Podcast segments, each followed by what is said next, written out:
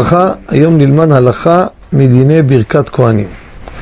כידוע, כהנים נושאים כפיהם בתפילת שחרית, גם בתענית בתפילת מנחה שהיא סמוכה לשקיעה, והם חולצים את מנעליהם.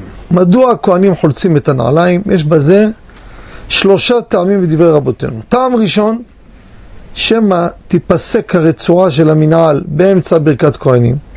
הוא יעצור, יתכופף לסדר, מה יחשבו? למה עצר? כנראה הוא כהן פסול. הוא חלל, הוא בן גרושה, או בן חלוצה. ויצא עליו לעז. זה טעם ראשון. טעם שני, שהוא נושא כפיו, מרים ידיים למעלה, קול מוגבע. אז לא כבוד הציבור, שיראו לפעמים יש טיט, לכלוך בנעליים, אדם בא מהרחוב.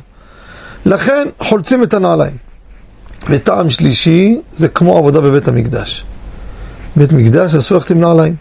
עכשיו, מה קורה במקום שהרצפה רטובה עם מים?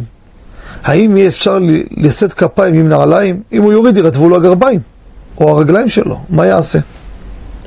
הלכה למעשה, כל עוד שהוא לא עומד גבוה מהציבור, הוא לא עובד על, ה, על בימה, על מדרגה, עומד ברצפה בגובה של הציבור, במקום צורך, כמו שאמרנו, רשאי לשאת כפיו כשמנעלים לרגליו.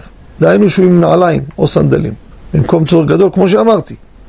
אבל לא יהיה מוגבע מעל כולם. אבל אם זה לא הסיפור, חייב לחלוץ מנעליו, ואפילו לעמוד על הנעליים כשהם מחוץ לנעליים, גם אסור, לא יכול להשתמש בהם כמו שטיח. לא.